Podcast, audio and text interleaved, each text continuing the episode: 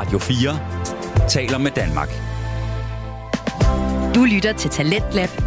Din vært er Kasper Svendt. Hjertelig velkommen til time 2 af aftenens udgave af programmet her på Radio 4, som øh, deler nye stemmer, fortællinger og holdninger, alt sammen igennem Danske Fritidspodcast. Og i aften, der har jeg tre på menuen til dig. Vi er godt i gang med nummer to, og den hedder Autisme med hjertet. Den har verdens Stine Bøsted, og i aften, der taler hun med sin gæst Sigrid omkring tabt arbejdsfortjeneste, de fordomme, der hører med til det, og lysten til at komme tilbage til arbejdslivet. Stine er selv familierådgiver, pædagog og foredragsholder, og så er hun også selv mor til en dreng med autisme, og det er altså også noget af det, som hun tager med sig ind i de her forskellige både værtsafsnit og gæsteepisoder. Vi vender her tilbage til aftenens episode, hvor gæsten Sigrid taler med videre om, hvor langt man egentlig skal ud, før det bliver relevant med tabt arbejdsfortjeneste, og hvordan et øh, system ellers kunne se ud, når det kommer til lige præcis det. Det, jeg tror også, det er derfor, det ikke bare er lykken, fordi det er sidste udvej, og det som du startede med at sige, synes jeg egentlig var ret godt, at socialrådgiveren havde sagt, at tab arbejdsfortjeneste, det er jo noget, intet andet. Det er jo på bagkant, og det var det her jo også. Vi havde da håbet, at der havde været nogen, øh, der havde grebet ind før, og som havde hjulpet os før, så vores dreng ikke var kommet så langt ud, og havde behøvet at knække helt. Øhm, øhm, ja, så vi er i gang med, stadig i gang med et kæmpe opsamlingsarbejde. Øhm, ja, så det havde da været meget bedre og at foretrække. Øhm, ja. Ja, så hvad kunne du have ønsket dig? Altså hvis vi taler tabt arbejdsfortjeneste, og det ikke skulle være på bagkanten? Øh, så kunne jeg ønsket mig, at da vi sagde i børnehaven, at øh, vi står med nogle vanskeligheder hjemme, at de ikke bare har sagt, det vi ser overhovedet ikke, det ser vi slet, slet ikke at vi i skolen var blevet lyttet til, når, eller de havde reageret, når de så, hvor voldsomt han reagerede på at starte i skole, i, øh, i førskole der, før sommerferien. Øhm, hvor det bare sådan blev normaliseret, og lidt blev vores problem at få det til at fungere. Øh, ja, altså at nogle professionelle havde, dem som ser børnene dagligt, havde øh, øh, sagt mere til og fra. Der er et, ligger et kæmpe ansvar hos dem, og det synes jeg ikke helt, de har, ja, i vores tilfælde var, øh, var gode til at tage. Og så begyndte det så at gå galt, og så kan man sige, dem, så blev der gjort, hvad der kunne inden for rammerne. Ja. Ja. Men det var bare for sent på en eller anden måde. Ja, fordi så eskalerede det. Ja. Altså sådan, øh, så ja. blev det for, ja, en negativ spiral. Altså man kan sige, måske skulle han have haft støtte fra øh, børnehaven, det ved jeg ikke, eller i hvert fald fra skole, ikke?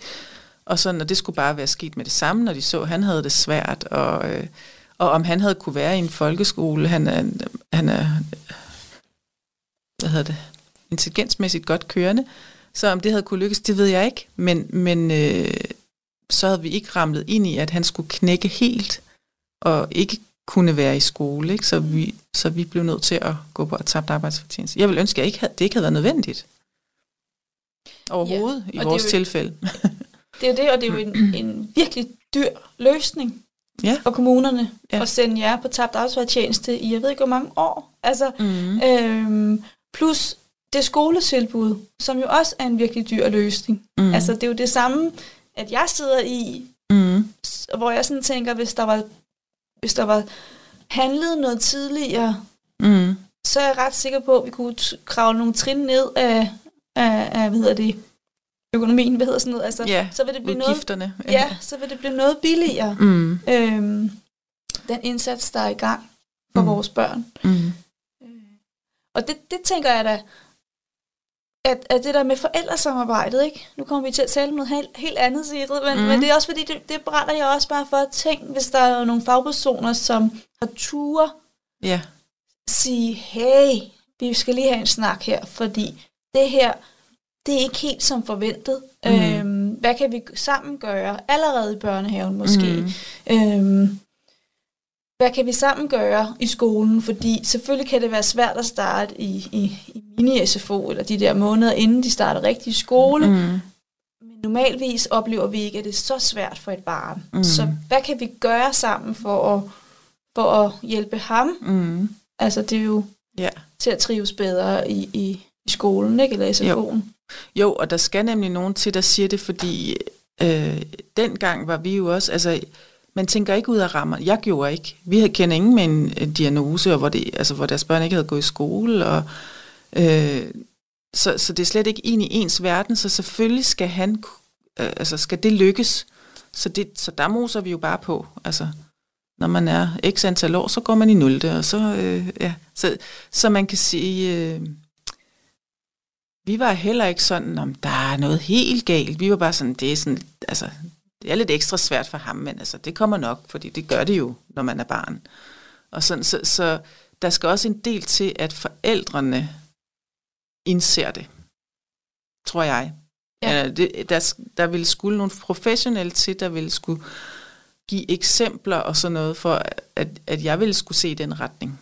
Ja, og ja. det er jo også selvom, at de har en, en, en, en han har en ældre bror, ja, altså ja. jeres dreng, ikke? Altså, ja. så I har jo set, hvordan det mm. også kan være, men, ja. men det er jo ham. Det er altså, ham nemlig, og de to er ret forskellige, så ja. vi tænkte, at det er en anden historie med ham her, ja. med den yngste, ikke? Ja.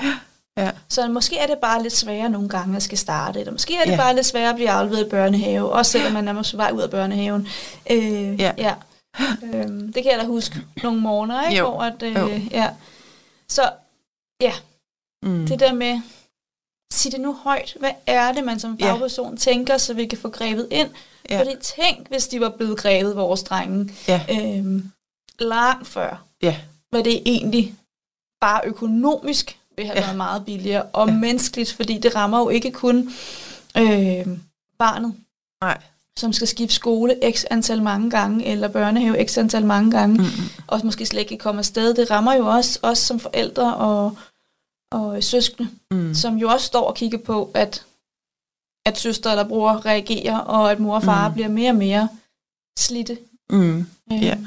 Og at hverdagen jo ikke er normal, hvis man kan sige det. Mm. Altså, at, ja. at øh, vores børn får lov til at blive hjemme, hvor den anden mm. har tuske afsted, for det kan du godt. Mm. Ja. Øhm, ja.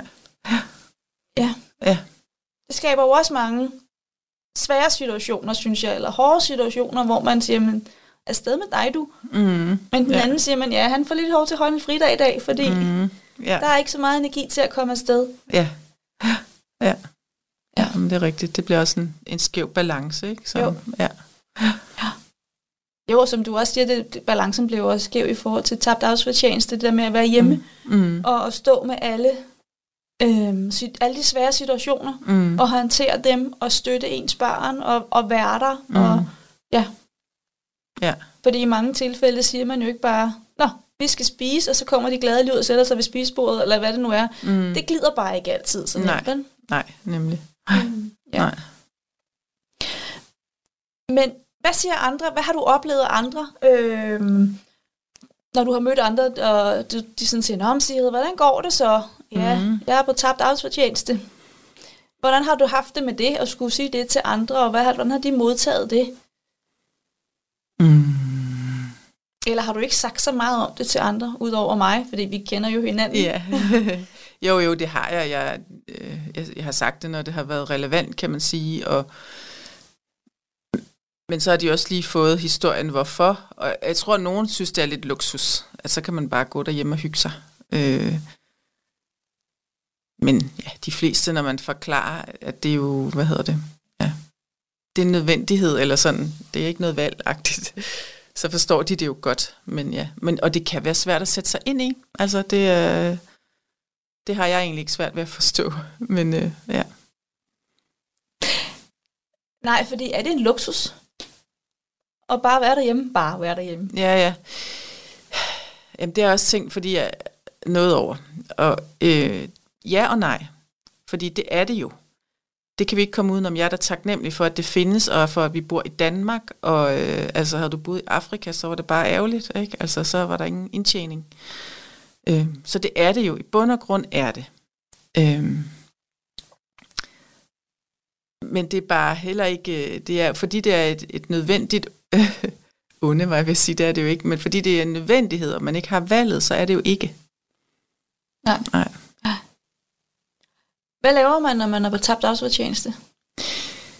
ja, så får man jo øh, hverdagen til at glide, kan man sige. Øh, så, øh, øh, ja, så skal du prøve at danne en meningsfuld dag for dit barn. Øh, og det er jo helt nede i, at ja, det skal have noget at spise, det skal gerne lidt ud, øh, og øh, skal gerne lære noget, eller lave noget meningsfuld aktivitet på en eller anden måde. Øh, ja, og det lyder jo meget nemt, det er jo, hvad man gør, når man har weekend, men i en normal børnefamilie. Men det er bare ikke så nemt, fordi den der normalitet skrider. Øh, så for eksempel sådan noget med, altså i starten, der vækkede vi vores dreng klokken halv syv, eller hvornår det var, at man plejede at blive vækket. Men i længden, hvorfor vække et barn, hvis, øh, hvis der ikke er noget at stå op til agtigt, ikke? Øhm, men vi var alligevel sådan ret ops på det, så vi gjorde det øh, længe, ikke? Øh, men så bare sådan noget med at holde en døgnrytme for dem, ikke? Øh, ja. Og så er der jo alt, altså alt fremskridt afhænger af selvfølgelig andre, men i høj grad din egen indsats. Så når han ja, når der skal ske noget fremskridt, og han skal møde nogle steder, eller ja, så afhænger det af, om du kan facilitere det til at ske. Ja, så det går meget af dagen også med. ja. ja. Ja. Jo, altså sådan rent konkret, så var vi var på, hvad hedder det, eksperimentaret nogle gange. Øh, øh, nogle gange gik det godt, nogle gange gik det skidt, fordi så var der en masse skoleklasser, og det havde han det svært med, og sådan, men øh, ja, altså fandt på sådan nogle ting, prøvede at gøre det, vi kunne, eller som kunne lade sig gøre, og mere kan jo lade sig gøre ude i verden, når det er hverdag, end når det er weekend, når man har sådan en dreng, som vi har. Fordi der er færre, Fordi der er færre mennesker. Ja. ja. Og Sigrid, nu kender jeg jo jeres historie, men når mm. du siger, så tog vi på eksperimentaret, så tænker jeg, det mm. lyder sgu da hyggeligt. Ja. Vil du sige lidt mere ord om, hvorfor det er, at det er hyggeligt, men det er også benhårdt arbejde. Sådan en tur. Ja. Øh, øh, vores dreng har jo social angst, så det med at være ude i verden er svært. Øh, det kan være svært at, at træde ud af en bil, øh, og lave skiftet fra at gøre en ting til noget andet. Øh, så der skal man give tid og tålmodighed, øh, før at man overhovedet er på vej ind sådan et sted. Øh, så kan det være, at der er nogen, der er højt råbende, eller bare en stor gruppe af mennesker, som gør, at øh, der vækker noget angst, så skal man takle det med måske at skærme, eller gå ud igen, eller ja. Så man er hele tiden sådan på arbejde med at regulere, kan man sige. Ikke? Øh. Og så er der også, altså, når der så er nogle gode aktiviteter i gang, og man prøver noget sammen og sådan noget, så så er der jo ikke så meget fokus på det. Så, så er det jo bare dejligt og hyggeligt, men det kræver enormt meget af ham og mig at være ude i verden. Ja. Men det er også det, der er nødvendigt, fordi det er jo, man, man bliver nødt til at kunne være ude i verden på en eller anden måde. Ja, ja så det er seriøst, en seriøs opgave at, at være afsted ja. øh, på eksperimentaret, hvis det er det. Altså, mm. fordi der er hele det der med at bare kunne komme være klar til at komme ud i bilen. Mm. Øh, der skal også noget tøj på, man skal op, man skal, altså, yeah. masser af ting, der skal ske der. Og sådan, når I så er der, at du, som jeg hører det rigtig meget på forkant omkring, hvordan har han det, hvordan ser situationen ud omkring os, øh, mm. hvad muligheder har vi her, fordi det vi troede vi skulle, og så kommer der lige en klasse ind, så skal vi lige finde på noget andet, mm. øh, og guide ham til det, og, og mm. ja, Ja. Og så kan der opstå nogle gode situationer, heldigvis jo, mm-hmm. hvor, at, mhm. hvor at, ja, ja. får nogle gode oplevelser sammen. Ikke? Jo. Ja. Jo. Ja. ja. Ja, for jeg tænker også, at mm, i forhold til, hvad er det, man laver, når man er på tabt arbejdsfortjeneste, jeg, jeg, jeg var jo nede på, jeg, jeg var nok nede på at arbejde seks timer om ugen, og jeg tænkte sådan, hvad lavede jeg egentlig? Mm. Altså, det, det er også lidt en tåge for mig. Mm. Jeg kan huske første gang, at han var afsted i skole, øh, min søn der, hvor at læreren var kommet og hentet ham. De havde sat sig ud i bilen og var kørt, og det var kæmpestort, at han var nået dertil. Og bare den sad derhjemme og tænkte, okay, nu sidder jeg her helt alene. Mm. Og så kom de der bulrende følelser af, wow, hvad skal jeg så egentlig lave? Og, eller jeg orkede jo ikke at lave noget, men, mm. men, men følelsen af, wow, nu er der nogen, der har taget en eller anden lille form for ansvar fra mig lige nu. Det er ikke mig, der skal være på lige nu. Mm. Jeg skal ikke hele tiden have føleren ude i, hvor er vi henne? Hvordan har du det? Skal jeg lige gøre noget? Skal jeg ikke gøre noget? Skal jeg... Ja. Mm. Øhm. Så det er jo også en del af det, at være på tabt arbejdsfortjeneste. Det kan godt være, at det ikke står i lovgivningen, men, men, mm. men det er i hvert fald noget af det følelsesmæssigt, det er at være på tabt arbejdsfortjeneste. Det, det med at kunne holde sammen på sig selv. Mm. Øhm, en, over en lang periode at være i det der pres. Ja. ja. Øhm, fordi det er ikke bare at ligge på sofaen. Jeg Nej. har ikke prøvet det i hvert fald. Nej, det har jeg heller ikke. og der er heldigvis også gode stunder, og dem bliver vi også nødt til at samle på, fordi mm. vi bliver jo også nødt til at have for skabt et familieliv, som jo også er rart at være i, fordi at det er jo vores børns liv, mm. pokker. Altså, mm. så vi skal jo også gøre noget af det, der er, er sjovt og hyggeligt og rart, ja. i det omfang, det nu kan lade sig gøre, fordi det kan i vores familier jo nogle gange være sparsomt med de her gode oplevelser. Mm. Ja. ja. ja. ja. Hvordan har du det med, Sigrid, når du har mødt nogen, øh, når du har været nede at handle, eller en kollega, eller et eller andet, som sådan har spurgt, øh, Nå, hvordan går det så? Ja.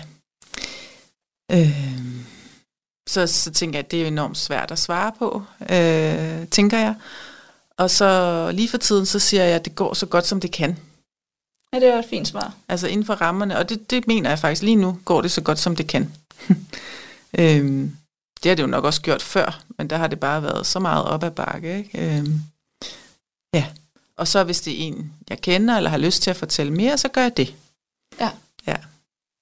Men øh, ja, det er faktisk mit svar lige nu, når du spørger. Ja, ja. ja. ja fordi jeg, jeg ja. tænker, jeg kan godt have den der... Oh. Vil du virkelig gerne vide det?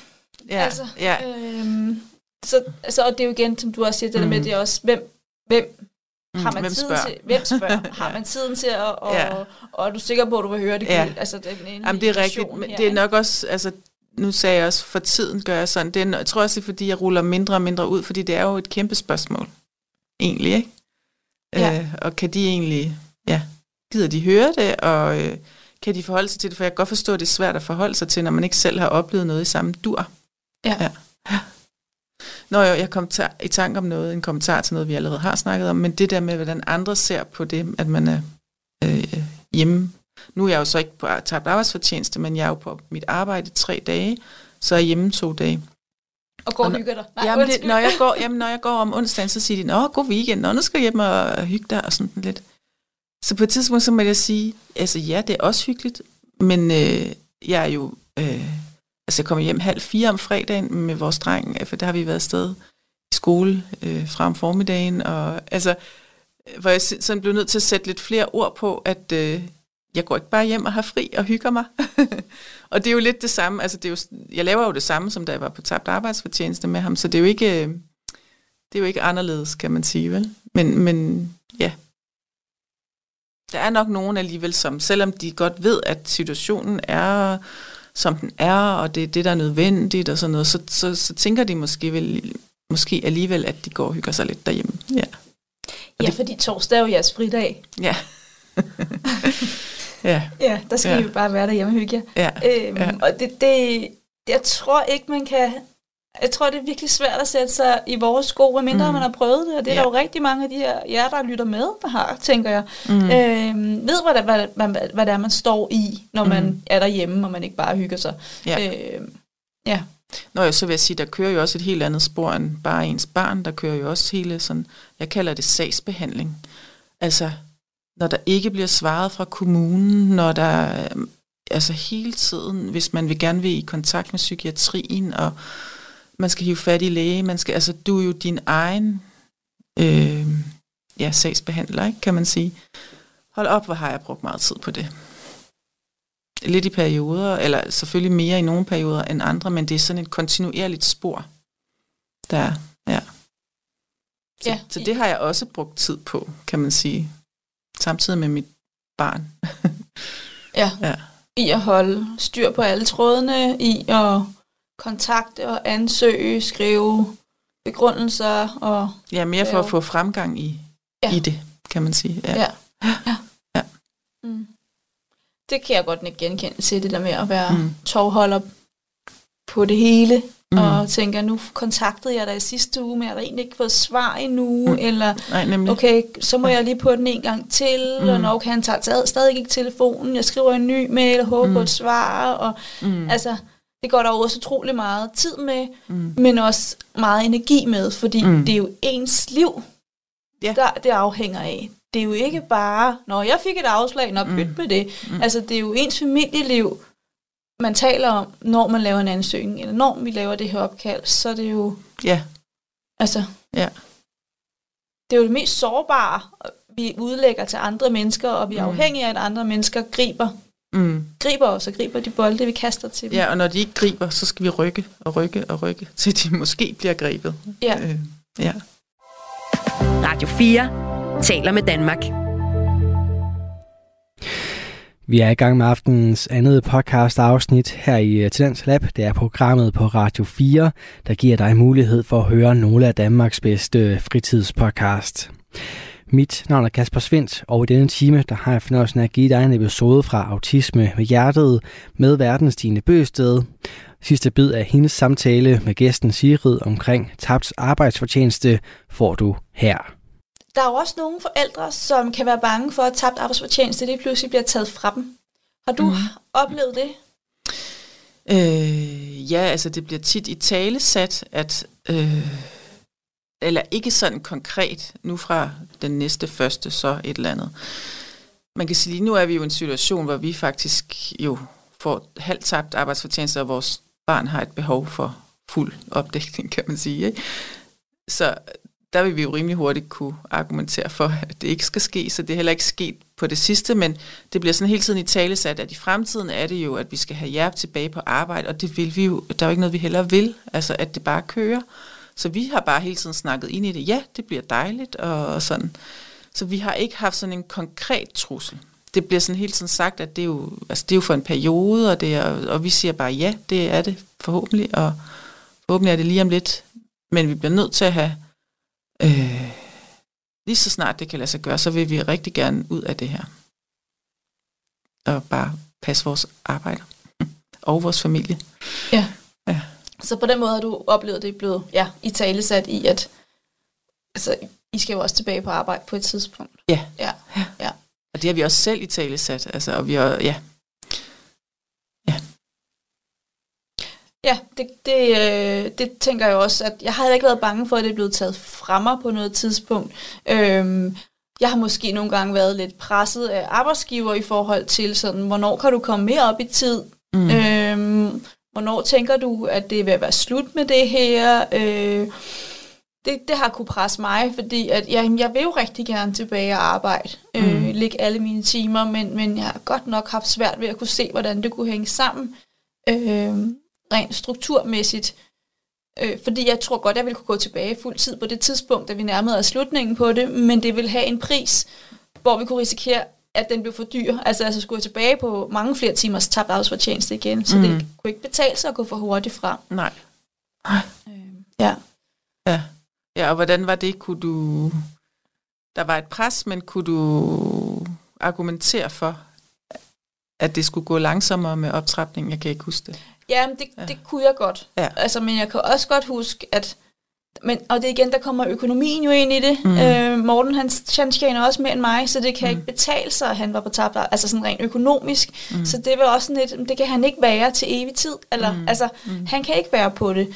Øhm, og, og vi var ved at være i mål, så var sådan, åh, kunne vi, kunne vi lige få den helt i mål, og så, så, det, så er det det med det. Men jeg vil også sige, i forhold til sagsbehandler, så har jeg jo også hørt det samme, at du skal jo også tilbage på arbejde på et tidspunkt, mm. og sådan noget, ja, det kan du tro, jeg skal, det, og mm. det vil jeg rigtig gerne. Mm. Og der sendte jeg jo, fordi jeg havde sådan en, jeg tror, jeg havde 27 timer tabt arbejdsfortjeneste, men, men jeg brugte aldrig de 27 timer 100%. Så der sendte jeg jo hver måned lønseddel op, så han kunne se, men, men det, jeg, det bliver bedre og bedre og bedre, jeg får færre mm. og færre tabt arbejdsfortjeneste timer, så så du kan jo se, der er udvikling i det, og det når mm. jeg, siger så det kan jeg godt se. Og så mm. var der ro på igen, ikke? Mm. Ja. Øhm, men jeg kunne da godt, jeg kan da godt huske, jeg fik lidt sådan lidt ikke tiks, men blev sådan lidt ud første gang, han sagde, Nå, nu tænker jeg, at øh, du får en afgørelse på, at din tabte arbejdsfortjeneste ophører mm. en anden måned. Ja. Øh, og så har du øh, 14 uger, eller hvad du nu har, til at det helt stopper, eller der er jo de der regler der. Ja, ja. Øhm, og jeg bare sådan tænkte, wow, er vi overhovedet klar til, er vi, er vi klar til det? Mm. Går det nu? Og hvad hvis nu mm. det ikke går? Skal jeg så til at søge tabt arbejdsfortjeneste igen? Og hvad hvis mm. jeg får mm. afslag? Alt det ja, der, det ja, ja. ulrer bare frem i hovedet, ikke? Jo. Øhm, og det gik jo, altså. Mm. Øh, og jeg er også ret sikker på, at hvis det ikke var gået, så var, det, så var der blevet forhåbentlig, det mm. vælger jeg at tro, så var der mm. blevet åbnet op igen. Mm. Og tabt ja. arbejdsfortjeneste, ikke? Øhm, jo. Jo. Men, men det synes jeg var skræmmende. Ja. Nu blev det taget helt væk. Mm. Og vi var klar. Altså, fordi mm. jeg var jo, jeg havde jo ikke mere, altså jeg brugte jo ikke mere tabt arbejdsfortjeneste, så alt mm. var jo godt. Mm. Men tanken om, mm. at det ikke var en mulighed, at det ikke hvis var en det skrevet. Ja. Ja. Ja. Ja. ja. ja. Det, øh... Der er vi jo ikke endnu. Nej, der er I ikke endnu. Mm. Der kommer I forhåbentlig. Ja. Det kan Snart til. Ja. Ja. ja. Og så, så tænker jeg sådan lidt til sidst, hvordan ser, hvordan ser fremtiden ud? Altså, øhm, det er jo svært at spå om, og det er jo mm. svært at sige, til sommeren 2024, så er I ude af tabt arbejdsfortjeneste. Men, men hvad vil du ønske? Eller hvad tror du? Eller, ja. Ja, det er faktisk ikke så enkelt at svare på. Jo, altså i ønskeland, så vil jeg ønske, at, han, at, at vores dreng kunne gå i skole mandag til fredag, de timer, som man nu går i skole, have alle de fag, man skal have. Øhm, men, hvad hedder det, sådan mere realistisk ønsker jeg, at han trives, at han kommer ud af hjemmet i det omfang, han kan, øh, at han lærer, hvad der er muligt, at han øh, ja, plejer sine venskaber. Øh, ja, det er egentlig det. Og hvad det så betyder, altså man kan jo godt have det der mål om, at, at så så mange timer og så så meget afsted fra hjemmet, men det er ikke altid, det hænger sammen. Det har jo ikke hængt sammen indtil videre. nu er han i, i rimelig trivsel i skolen, øh, de timer han er nu, og forhåbentlig kan, der, kan man sætte op i timeantal, forhåbentlig kan vi trække os ud af det. Øhm, det håber jeg da virkelig. Men, men øhm, det vigtigste er, at han har det så godt som muligt. Ja. ja. Så det er ikke så enkelt. Man har lyst til bare at sige, at jeg ønsker, at fra næste sommer, så, ja, ja, så, så har vi ikke mere tabt arbejdsfortjeneste, og så kører det bare. Det ønsker jeg. Det, selvfølgelig gør jeg det, men, men, ja. men ja, mere grundlæggende, så ønsker jeg, at han har det godt. ja. Så jeg, jeg hører også lidt, at du frem for at have tænkt førhen, tre måneder, mm. så er jeg tilbage, nu tænker, ja, der er egentlig ikke en, en slutdato på, eller sådan lidt. Nej. Jo, i ønskeverdenen så er der et mål, men, ja. men, men, men det her mål er ikke så konkret, fordi det vigtigste er, at han trives, og han kan komme mere og mere i skole, og, og det, mm. som jeg også hører, det er ikke sikkert, at han kommer i skole fra 8 til 16, eller hvad det nu hedder, 8 til 15 hver dag, agtigt. Mm. På noget mm. tidspunkt, i hvert fald ikke sådan lige forløbig, men måske Nej. kan han komme så meget i skole. Også måske, så han ikke har brug for jer mere. Ja, nemlig. Altså, ja, ja. Øhm, så får han ja. måske nogle kortere, en kortere skoledag, men, mm. men så kan komme hjem og få ladt op og mm. spille en lille smule computer, eller en lille yeah. smule meget computer, eller yeah. hvad han nu laver. Nej, yeah. det er der jo mange børn, der gør for at lade op, men ja. ja. Så du kan komme, eller du er jo tilbage på arbejde, men, men ja. kan få fordelt dine timer lidt mere lige lidt. Så, så min kæreste kan komme på arbejde? Ja, så ja. han kan komme af med hans tabt arbejdsfortjeneste. Ja. ja. Ja. ja. Og der er også, altså jeg kan godt se den der usikkerhed, det tænker jeg også nogle gange over, fordi lige nu, der er der jo en af os, der har vores dreng, eller er med vores dreng, og er det en virkelig svær dag, hvor ingenting lykkes, så er det jo den, der er med ham, som har ansvaret, og den, som er på arbejde, er på arbejde. Så lige meget hvad der sker derhjemme, eller ikke sker, eller i skolen, så, så, er det, så har man ikke ansvar, når man er på arbejde. Når man ikke har tabt arbejdsfortjeneste mere, så tænker jeg stadig, at for sådan en som vores dreng, kan der være nogle rigtig svære dage. Øhm, så der tænker jeg også, uh, ja, jeg kan godt forstå, at man får sved på panden, når det ligesom sikkerhedsnettet ikke er der mere, ikke?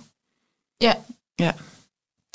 Ja, fordi den, der hjemme har ansvaret, som du siger, mm. men hvad så, når, når I begge to skal til at arbejde, hvem har mm. så ansvaret? Ja, lige altså, præcis. de ja. dage eller situationer, som opstår, mm. hvor det bliver svært. Mm. Ja. ja. ja. Der har jeg jo haft det sådan, at altså fordi det giver jo sådan en form for belastning, øh, så så ja, det er altid det er altid Morten, stort set, der får kontakten øh, fra skolen. Øh, det er meget sjældent, skolen ringer til mig, hvis, hvis, hvis nogensinde. Fordi de ved godt, at, at mit nervesystem, det kører fuldstændig op, hvis jeg kan se, at der er et, et opkald eller en sms fra skolen. Øhm, det, det kan jeg simpelthen ikke holde ud at være i, fordi vi har, har, vi har stået der så mange gange og modtaget de her opkald. Nu må du komme og hente ham, eller nu er der sket det og det, eller ja, mm. det har været en dum dag, eller et eller andet. Mm. Øhm, så der har det været, det er Morten, der har øh, mm. kontakt med skolen, og selvfølgelig, hvis der opstår et eller andet, øh, hvor det er nødvendigt, jeg også bliver involveret, så, så ringer Morten jo til mig. Mm. Yeah. Øh, men ellers så er det, det er ikke mig, der får dagsrapporten. Det får vi stadigvæk en lille sms omkring, hvordan har dagen været. Det er ikke mm. mig, der får den sms. Mm-hmm. De, langt de fleste dage er den jo god. Det er mm. meget sjældent, der står noget, øh, som hvor det ikke har været en god dag, mm. men det er ikke mig, der får den. Nej. Øh, fordi jeg har ikke brug for, at der tigger sådan en sms ind i løbet af dagen og, og stresser. Nej. Øhm. Nej. Nej, og der må man også finde ud af sine egne grænser og, ja, og opgavefordeling og sådan noget, ikke? hvad man kan være i. Ja. Ja. ja. Så, så det, øh, ja, og det er jo, når jeg sidder og siger det, det er jo mærkeligt, fordi jeg tænker, hvorfor kan jeg ikke modtage den der sms i løbet af dagen? Det er jo stort set altid en god sms. Han har haft en god dag, sådan og sådan og sådan. Mm. Øh, det er sjældent, der står noget, som, som ikke er rar læsning, men det er virkelig en befrielse. Jeg ved, den kommer ikke klokken et eller andet mm. efter ja. skoletidsagtigt. Ja. Ja. Men det er også fordi, du, man er hele tiden på. Altså, vi får også schema og plan for næste uge, fredag eftermiddag, så så vi skal forholde os til altså sådan, på et overordnet plan, så man ikke skal med andre børn i weekenden. Vi skal præppe, øh, og sådan, så du har aldrig rigtig helt fri, heller ikke sådan for sådan behandlingsvinklen, eller hvad man siger. Øh, og jeg tror også, det er sådan noget i længden, der har man, man har brug for at have fri. Man har brug for at have fri, når man er på ferie. Man har brug for ikke at skulle sagsbehandle, ikke at skulle være en del af skoletiltaget. Og det er jo rigtig dejligt at, at være det generelt, det er ikke det, men jeg tror, øh, man har også brug for, for ikke at blive konfronteret med det hele tiden. Ja. Ja.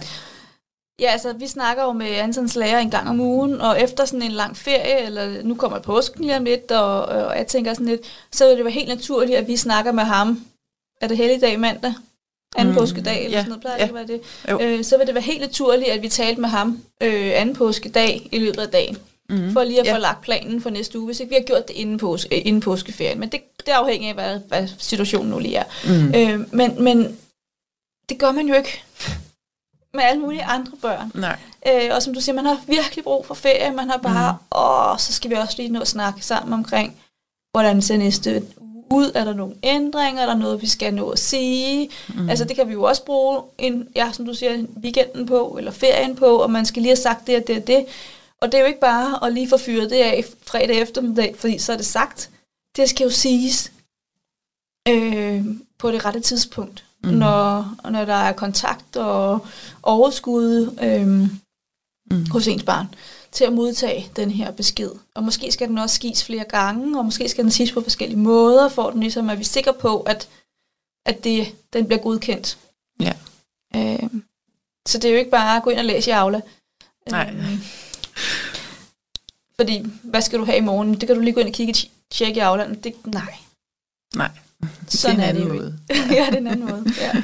ja. ja.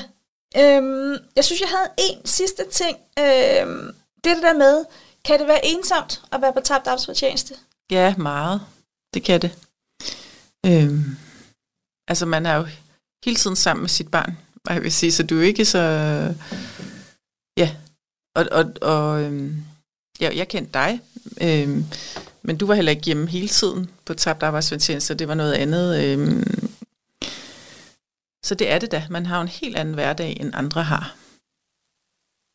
Ja. Ja, det er det. Helt klart. Og jeg er rimelig social og ekstrovert og får energi af at være sammen med andre, og det er man jo ikke øh, i samme grad, når man ikke øh, går på arbejde. Og så når man så er sammen med andre, så til, til møder, eller det er så alvorligt, og det er så tungt, ikke? Altså, øh, så er det, ja, så er det måske de professionelle, som, ja, hvor man skal prøve at løse noget sammen. Og det er også, altså, det er også fint at bruge tid på at gøre, men det er ikke noget, der giver energi. Nej, så det med at kunne, kunne have nogle andre at tale med, mm. øh, kan du godt savne, eller ja? Ja, det, altså, kunne, det kunne jeg godt, ja, ja. ja. Og ikke bare fordi man skal sidde og tale om vores situation, men bare sådan, ja, have nogle kolleger, ja. eller ja, jeg kan også godt lide mit eget arbejde med mennesker, ikke? Sådan øh, have, have det samspil der, og ja. Ja. ja. Og der synes jeg så meget nogle gange, at jeg havde jo stadigvæk tilknytning til arbejdet. Ja. Jeg havde min kollega, som kunne sige, mm. hvordan gik det så? Og der var også mm. særligt nogen, som, som blev sat mere ind i tingene end andre, mm. og som kunne sige, om, altså, puha, du ser træt ud i dag, ja, det er puh, ikke? Og så har de mm. godt sådan nogenlunde forstået, hvad man taler om, fordi man har jo sat dem mere og mere ind i tingene. Mm. Og så alligevel, så kan de jo ikke forstå det 100%, hvad det er, man står i. Nej, selvfølgelig. Øhm, der har vi to jo talt i telefon mange gange, mm. øh, fordi det var den måde, vi kunne ligesom med hver vores barn mm. på værelserne ved siden af os, ja, altså ja. Kunne, kunne, kunne ventilere og, og ja, ja. få luft, ikke? Ja. ja. ja. Fordi man ved, hvad hinanden står med. Altså, og det var en hård ja. morgen i morges, øh, hvad ved jeg, øh, mm. eller vi skulle have brugt hele søndagen på, at han skal i bad. Mm. Så ved man godt, okay, ja, been there. Vi, altså, man godt, hvordan det er mm. at skal fra A til B i forhold til sådan bad. Bare det er, altså, det er jo mm. en kæmpe fest, man har efter. Yes, mm. det lykkes. ja, ja. ja. ja. I de perioder, hvor de ikke sådan, ja, ja. har det så godt, ikke? Ja. Jo, jo, nemlig. Ja. Ja. Ja. Mm. Har du mere her på falderæbet, siger du? Øhm, nej, det tror jeg ikke helt. Og det blev jo sådan lidt skud fra hoften, ikke? Men øh, jeg håber da, at dem, der lytter, har fået en fornemmelse af den mere sådan personlige side af at være på tabt arbejdsfortjeneste. Ja, ja. det tænker jeg. En historie. Selvfølgelig er vi alle sammen forskellige, ikke? og ens børn er forskellige. Men øh, ja. Lige præcis. Det er jo, der er jo ikke... Det er jo, det er jo din og, og lidt af min version i at være på tabt arbejdsfortjeneste. Det er jo, øh, mm. det er jo meget individuelt, hvordan det opleves og, og, og have det. Og så er der jo også dem, som, som jo ikke bare har fået det, eller bare, jeg synes heller ikke, vi bare har nej, fået det, nej, nej. Men, men, men som jo løser tingene, øhm, og tvunget til at løse tingene, måske sige deres job op mm. øh, igennem mange år, og ikke har noget arbejde for at passe på, på sit barn, så, så mm. det er jo, og det er jo lige så, hvis ikke mere, mere opslidende. Ja, ja, lige præcis. Ja. Ja. Ja. Så der er godt, det er godt, der er noget, der hedder tabt arbejdsfortjeneste, men, mm. men det er ikke bare at ligge på sofaen, øhm, i stedet for at gå på arbejde. Nej, nemlig. den korte version. Ja, den korte version. ja. Men tak, fordi du var med i dag. Ja, velbekomme.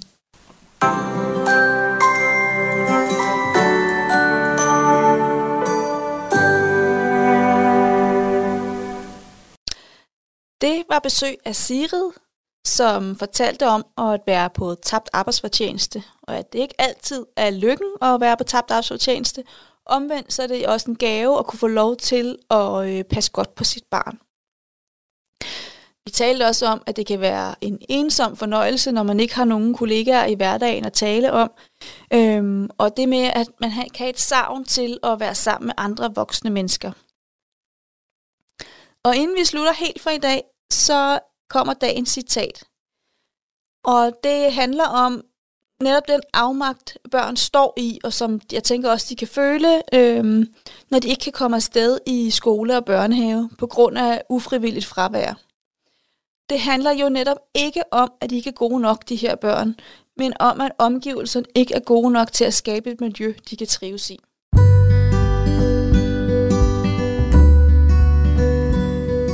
Hvis man ikke går i skole, bliver man konstant konfronteret med sin egen eksklusion fra fællesskabet. For alle børn ved, at alle børn skal gå i skole. Hvis man ikke går i skole, er der noget galt. Børn med autisme tror, at det, der er galt, er dem selv.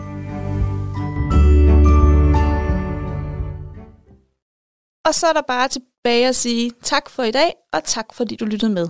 Hej.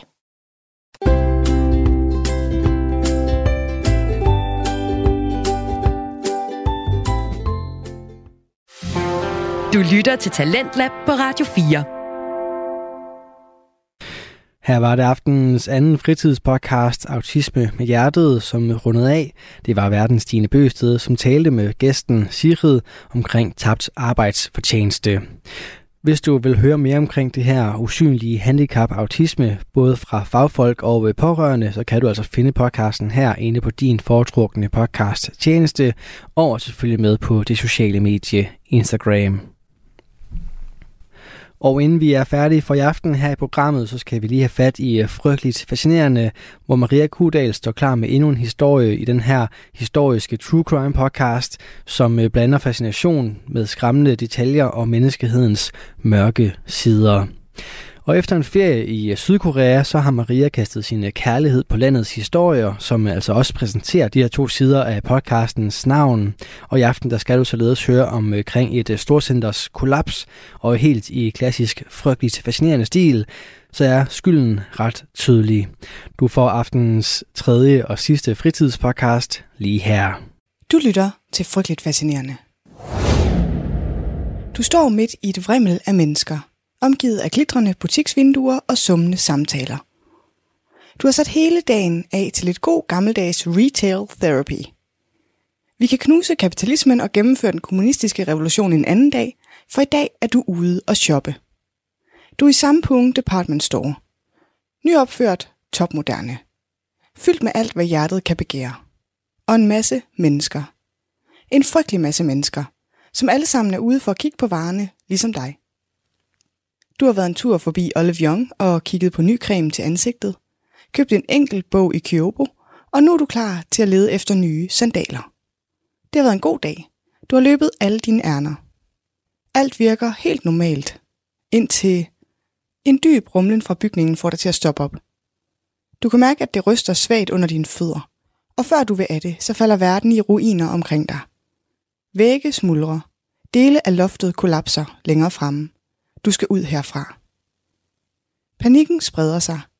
Folk skriger, og det er som om tiden står stille. Du er fanget i et kaos af støv og smuldrende beton, mens du desperat forsøger at finde en vej ud. Hvad fanden er det, der sker?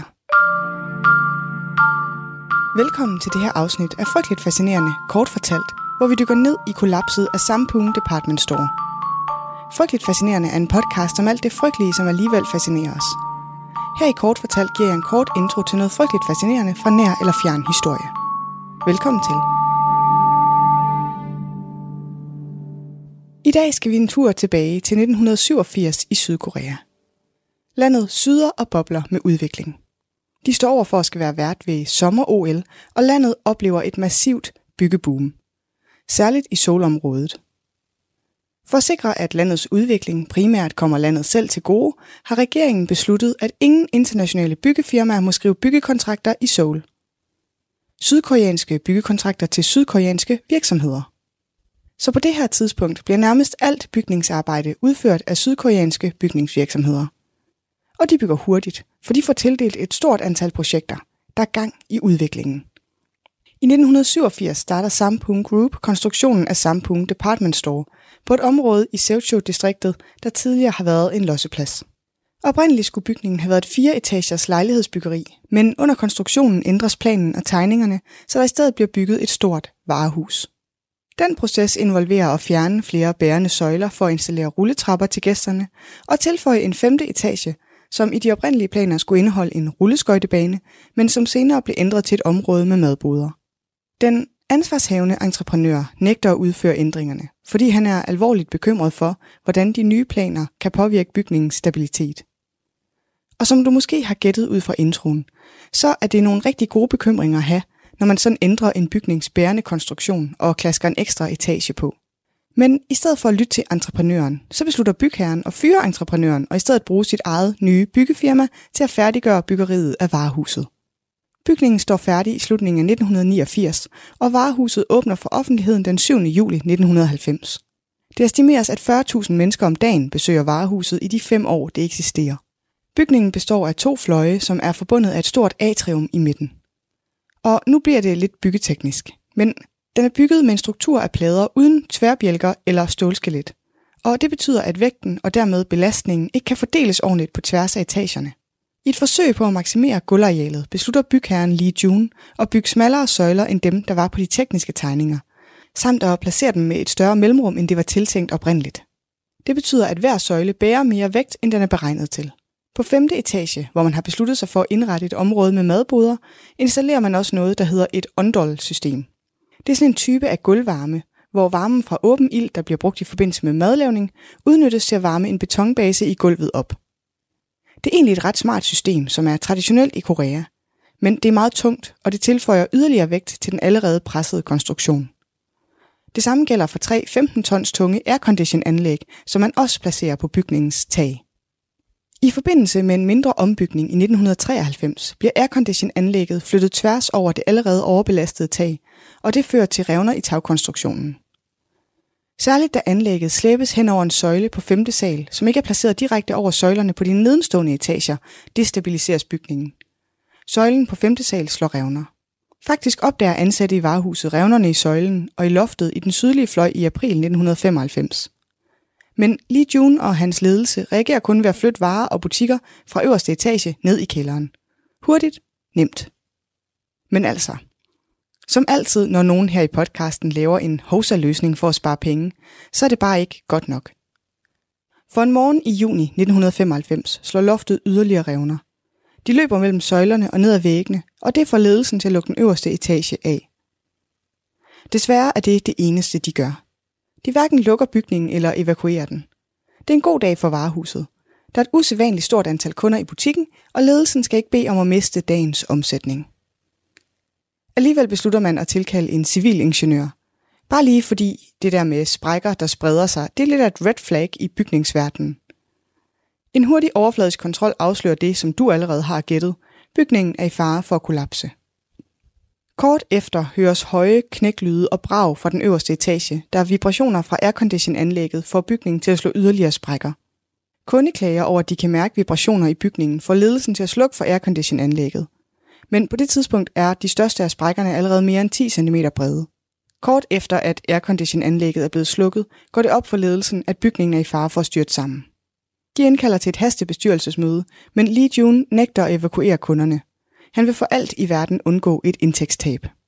Ironisk nok så forlader Lee June selv og hans ledelse bygningen sikkert, inden den kollapser. Faktisk informerer han ikke engang sin egen svigerdatter, Chu Kun Jung, der arbejder i bygningen om risikoen. Hun ender fanget i ruinerne og bliver først reddet ud flere dage senere.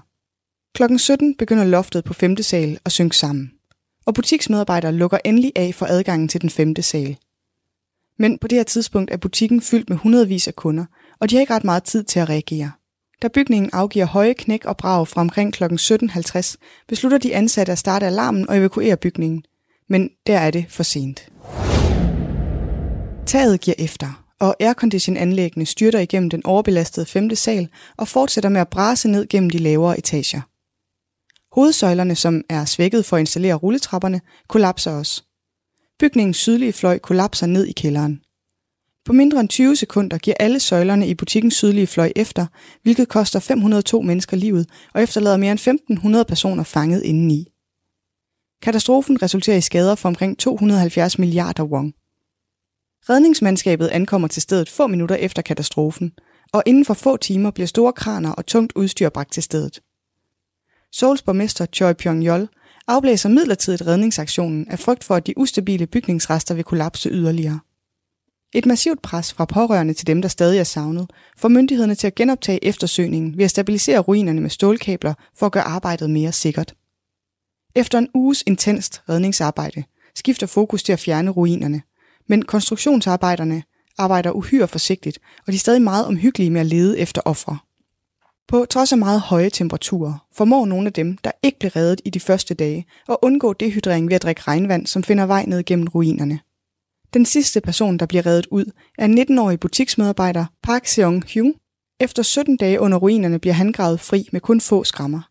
18-årig Jo Ji-wan bliver reddet efter næsten 12 dage, og en mand, der bliver reddet efter 9 dage, rapporterer, at andre overlevende var druknet som følge af regnen og af det vand, som blev brugt til brandslukningen. Det er den samme problematik, som man oplevede i Danmark, da den franske skole blev bombet under 2. verdenskrig. Det har jeg i øvrigt også et podcast-afsnit om. Det hedder Operation Carthage, og det kan du høre efter det her, hvis du ikke allerede har hørt det. Efter kollapset følger det retslige efterspil og undersøgelser. Hvis du er fast lytter af podcasten, så sidder du allerede nu og spænder i kæben. Mærker den instinkte vrede komme snigende. For vi har godt nok haft mange historier, hvor ingen kommer til at stå til ansvar for noget som helst. Så ikke når de er åbenlyst ansvarlige. Men for en gang skyld, så bringer jeg dig noget andet her i podcasten, så du kan godt løsne lidt op i kæben igen. Lidt. Du bliver først lidt irriteret, men så hjælper det. Det lover jeg. Undersøgelsen af årsagerne til kollapset blev ledet af en gut, der hedder professor Chung. Og det er blandt andet på grund af hans arbejde, at vi ved så meget om, hvorfor bygningen kollapser.